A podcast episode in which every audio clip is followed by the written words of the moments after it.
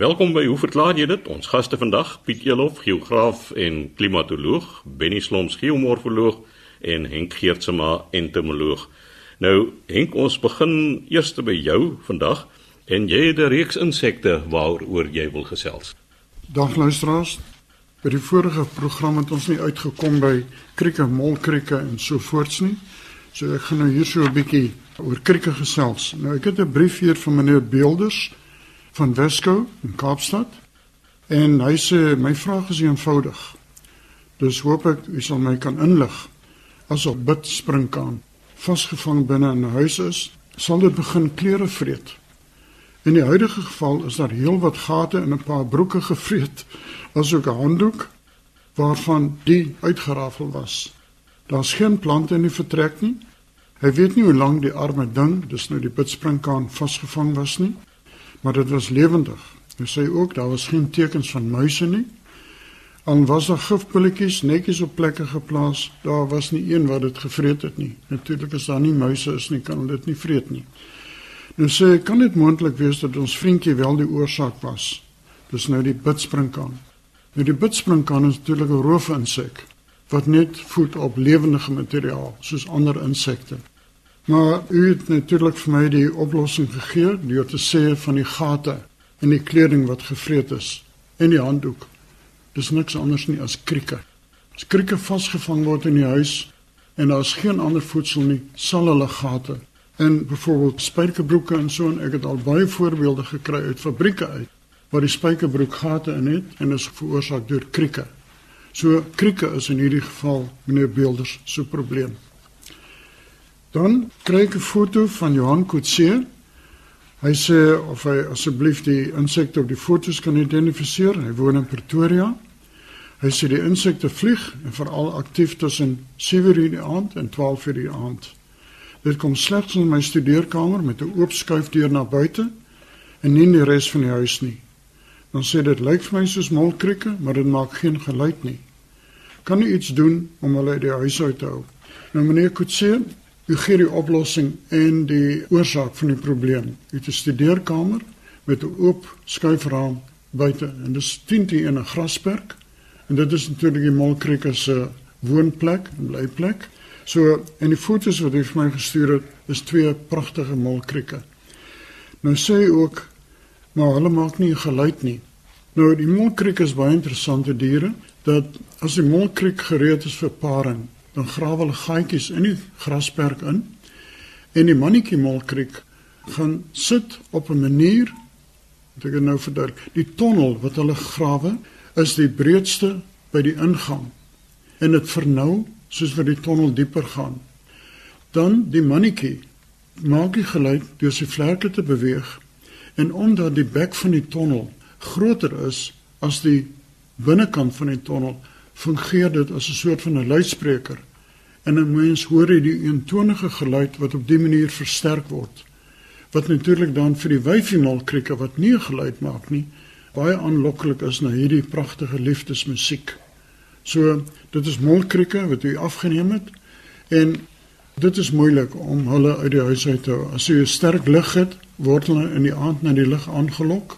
So dit sal nie help om plante in die huis en so te sit nie want hulle is vernaamlik grasvoeders. So hulle is geassosieer met die grasperk self. Dan kry ek nog 'n foto van ek ek net kyk dit kom van o oh, dit kom van die Reverend Greta Broxen en sy sê sy en 'n man kom by die verskriklike lelike gogge af. Dit lyk soos 'n perdeby op steroïdes. Sy weet regtig nie wat dit is nie en dis die eerste keer in haar lewe wat sy dit sien. Nou woon sy in Sasselburg en dan vra sy vir Chris of hy dit weet. En natuurlik Chris weet nie want hy stuur die berig na my toe. 'n uh, Pragtige foto van hierdie groot perdeby op 'n baksteen en hierdie is werklik een van die groot Pompilidae. Dis vir die spinnekopjagters.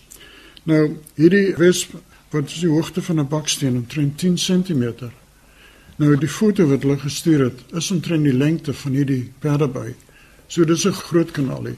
So hulle gaan vir groot spinnekoppe eintlik. Maar dis 'n spinnekopjagter en eintlik is hulle nie skadelik vir die mens nie, maar as jy grillig is vir spinnekoppe, sal hulle help om die probleem op te los. Dan Chris vanoggend vir my 'n brief gestuur van Hannes van Bloemfontein en dan in 'n plastiese sakkie is daar so 'n ding wat lyk soos 'n doring saad of 'n ding. En hy vra, hy wil graag weet wat is hierdie ding? Nou, kollegas kyk net hoe lyk hierdie ding. Dit lyk soos 'n valerige, breërige blaar met 'n klomp skerp stekels. Nou, Hannes, hierdie is die agterpoot van 'n Titigonet springkaan. Nou die Titigonet springkaan, ons ken baie van hulle as krompokkels wat plantvoedend is, maar dan is daar ook 'n baie groot groep van hierdie roofspringkane wat vleisetend is, wat predatories is. En hierdie is een van die predatoriese springkane. Ek kan ook aanraai om nooit hierdie roofspringkane met jou kale hande te vat nie, want soos hierdie klomp stekels en dorings aandui, gaan hulle vir jou goed bepiets met hierdie pote, maar nie net dit nie. Hulle skroom nie om jou te byt nie. Ek het eendag by Mopani in Noord-Transvaal een van hierdie goed met my kale hande probeer vat en ek het bloedhande weggeloop van hierdie ding af. So, dis nie 'n ding om mee te speel nie. Gelukkig het hy net die agterpoot hierso. So dis redelik onskadelik in die plastiese sakkie. Dan die laaste een van die uitkennings storie is van Fanny Schumann van Noordstraat Ladysmith. En hy stuur hy vir my 'n uh, paar van die vormpies en sakkies in kokonne wat van die plafon afgeval het. Nou natuurlik, dis nog nie bekende kokonne van kleremotte Maar nou skryf en ek lees in die brief hier by ons huis word dit al hoe meer opmerklik. Ek wil so graag dat die vlermuise bo in die solder moet intrek om die mooitjies te vang. Want sekerlik word die wurmpies papies en later mooitjies. Maar lyk my nie hulle, die vlermuise, sien daarvoor sin nie. Nou, wat die wurmpies eet, is hy ook nie seker nie. Dit kan dalk muurpapier wees of miskoen hout van die solder kan nie moontlik vasstel wat se wurmpies dit is en wat hulle vreet. Skadelik sal dit sekerlik wees. Nou, hier is die larwes van kleremotte en kleremotte voed op wolmateriaal. Alle materiaal wat keratin bevat. Dit sal, dis Piet Elof weet, wildvelle ook aanval, die hare op die wildbok se velle, maar ek vermoed die wurmpies kom van die tapuite af. Miskien 'n woltapuit of wolklere iewerste. As hierdie larwes volgroei is in die sakkies en die plat sakkies, dan beweeg hulle teen die mure op en hulle verpop bo teen die plafon. Dis 'n algemene verskynsel. Vlermuise sal nie belangstel in die mooitjies nie, omdat die mooitjies is eintlik meer beperk tot binne in die huis self. Hulle sal nie buite die huis rondvlieg nie. So die motte is gewoonlik beperk tot die huis self, terwyl vlermuise sal eerder op insekte wat buite die huis voorkom teer.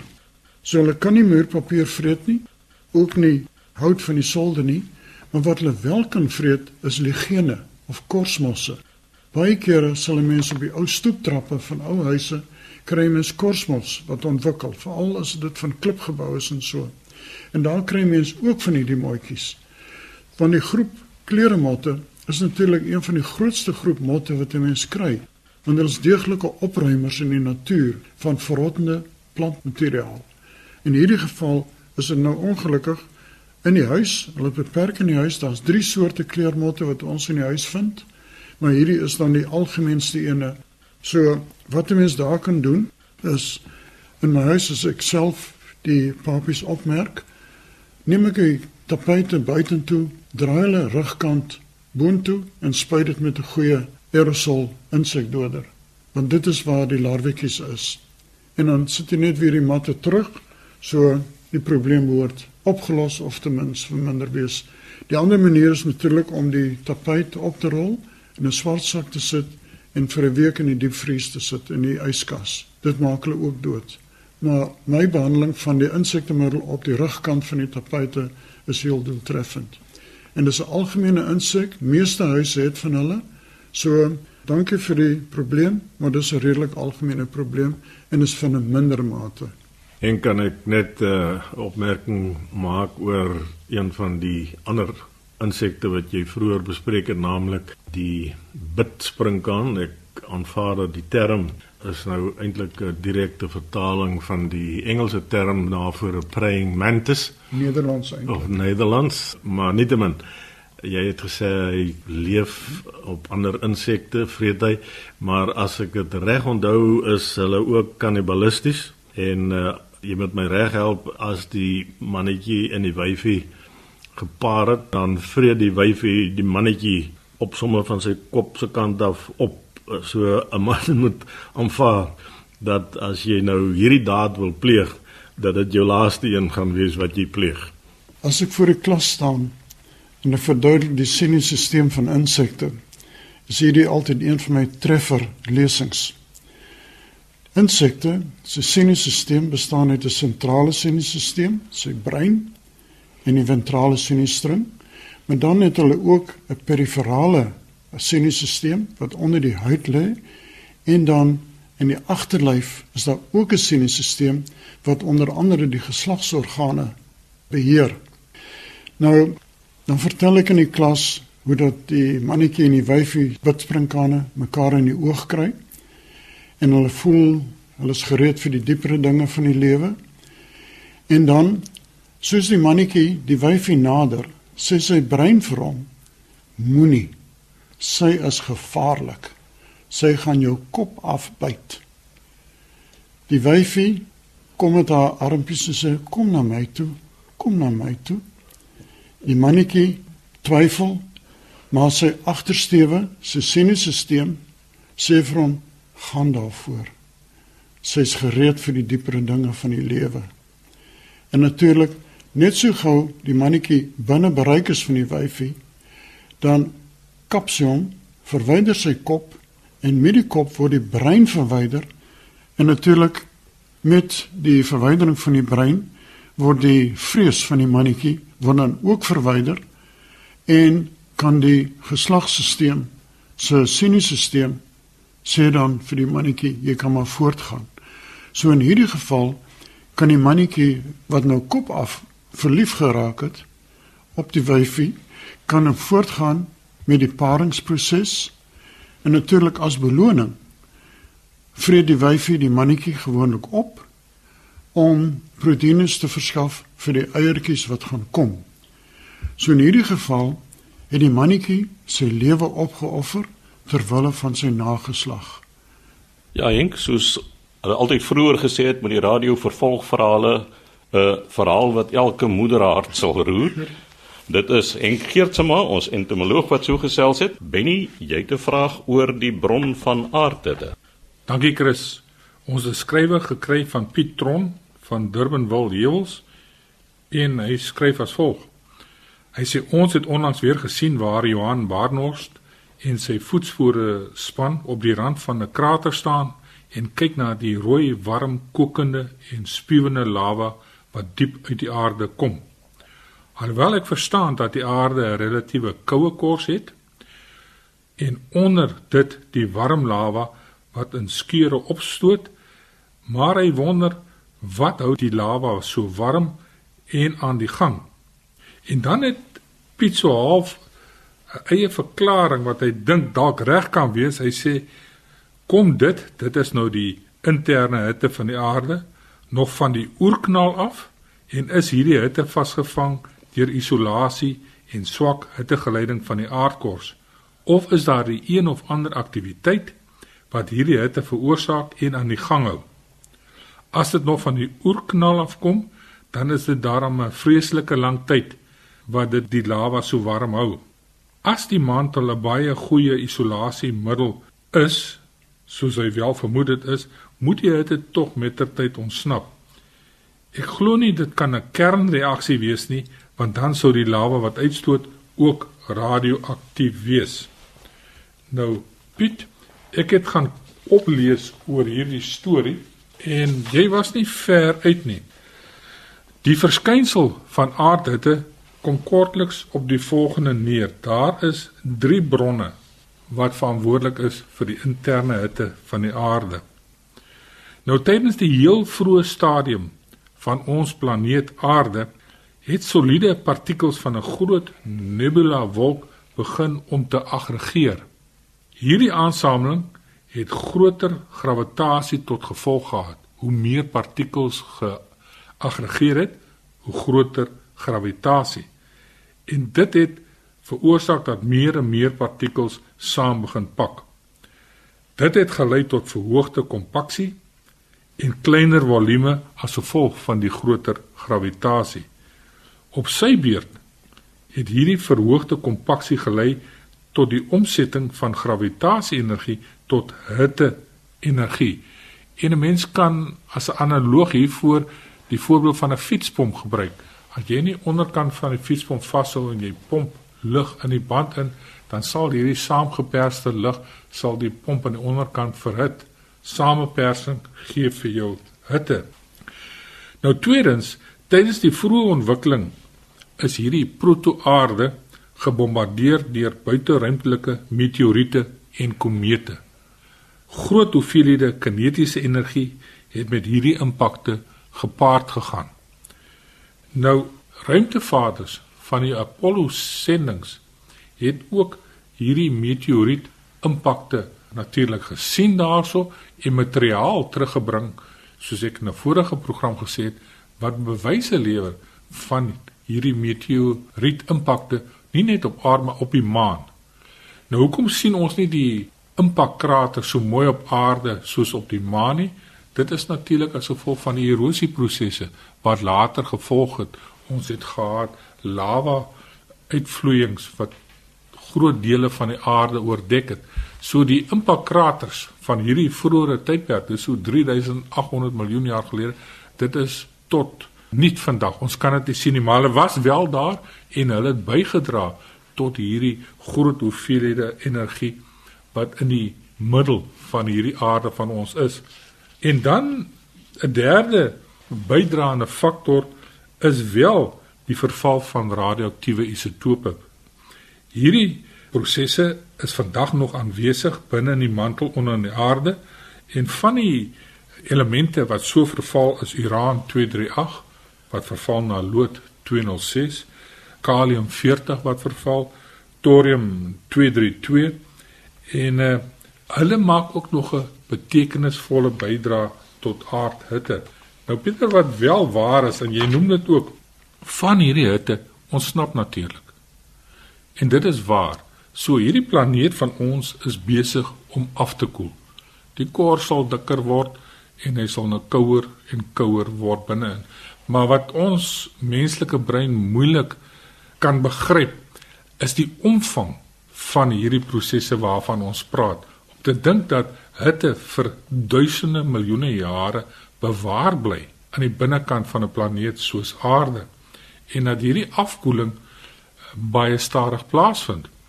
Die son byvoorbeeld is ook besig om af te koel.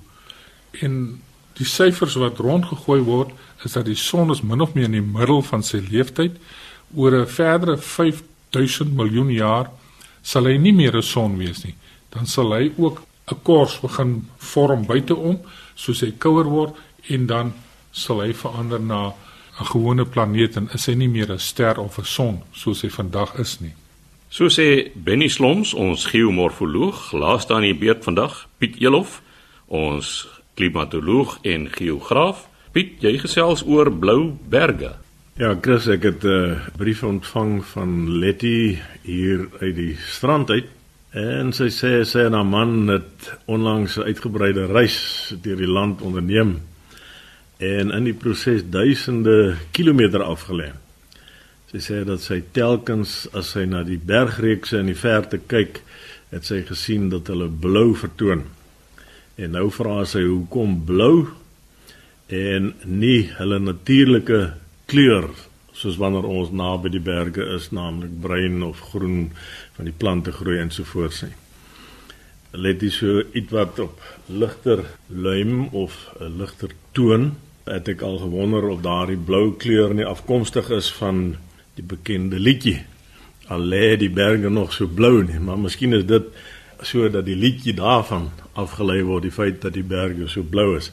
Nou die die lig vertoon blou let dit as gevolg van die feit dat die meerderheid van die strale wat ons oog bereik uit ons elektromagnetiese spektrum is die kortgolfstrale. Nou in die elektromagnetiese spektrum is dit gewoonlik hier na die blou kleur wat daardie strale voorkom. Nou ja, en wolke weet ons vertoon wit omdat hulle uit klein wolkdruppeltjies bestaan wat dan hierdie lig wat van die son afkomstig is verstrooi. Ons praat eintlik ook van Rayleigh verstrooiing, Rayleigh scattering, vernoem na die persoon wat dit nou die eerste keer vasgevang het of vasgelê het en dan benoem het. En uh dit gee dan vir ons omdat hierdie golflengtes min of meer in dieselfde hoeveelhede weerkaats word of verstrooi word sien ons dit dan as wit en daarom vertoon die wolke wit. Natuurlik hoe groter die druppels daarin is hoe meer water is daarin hoe minder lig bereik ons oog en vertoon daardie wolke dis baie donkerder en nie noodwendig spierwit soos wat ons dit het nie. Ons weet ook dat die sonsondergange en sonsopkoms dikwels vir ons 'n oranje en 'n rooi kleur gee dit is gewoonlik dan die langer golwe wat ons oog bereik die korter golwe is al hoofsaaklik verstrooi op pad na ons toe deur die dikker atmosfeer. Nou ons weet self let dit dat die atmosfeer het 'n meerderheid stikstof en suurstof molekules wat dan hierdie kort golwe meer gereedelik dan verstrooi en wat ons dan die kleur blou waarneem. Nou hoe verder die berge weg lê van ons oog af, hoe meer partikels is daar in die lug en die atmosfeer wat elkeen sy verskillende golflengtes gaan verstrooi en uh op die ou end gebeur dit dan dat hierdie verstrooiing waarskynlik die meerderheid die kombinasie van daardie verstrooiing van die verskillende golflengtes vir ons hier na die blou kleur toe neig en daarom vertoon daardie berge dan vir ons blou en nie soseer die natuurlike kleur van die gesteentes of die plante groei wat ons daar sien nie. Die implikasie is dan ook uh, let dit dat as jy 'n reeks berge het wat op mekaar volg, dat die verste berge die blouste vertoon omdat hulle dan nou as dit ware 'n groter volume atmosfeer deurgaan met baie meer molekules stofdeeltjies, styfmeel en alles wat hierdie ligstrale dan verstrooi wat ons ontvang en daarom vertoon die berge vir ons blou. So ek hoop uh, let dit antwoord jou vraag. Piet, ek is bly jy het hierdie verskynsel waar bergreekse parallel agter mekaar lê of echelon dat dit verskillende kleure het en luisteraars sal ook sien by skilderye wat landskappe voorstel dat die skilder die verskillende reekse berge verskillende skakerings van blou en grysblou inkleur om juis hierdie verskynsel wat hy waarneem natuurlik om dit op doek vas te lê en so kan 'n mens sien dat jy verskillende reekse van berge wat agter mekaar lê. Binne ja, weer eens tong in die kies as daar 'n hele aantal reekse so agter mekaar lê, dan het ons waarskynlik by naby aan 50 skakerings van blou en nie grys nie. Die mooiste voorbeeld was vir my altyd gewees as ons terugkeer van die Namibiese kus en ons kom terug Stellenbosch toe. Daar buite Isakos as mens na die binneland kyk, dan sien jy hierdie bergreekse wat so agter mekaar lê en dit bly vir my treffend nog elke keer wanneer ek daar ry. Dit dan wat betref die blou kleur van die berge, Piet Elof, ons klimatoloog en geograaf wat daaroor gesels het. Die tyd het ons ook weer ingehaal. Skryf gerus aan ons met vrae of kommentaar en stuur dit aan hoe verklaar jy dit posbus 2551 Kaapstad 8000 of stuur 'n e-pos aan chris@rsg.co.za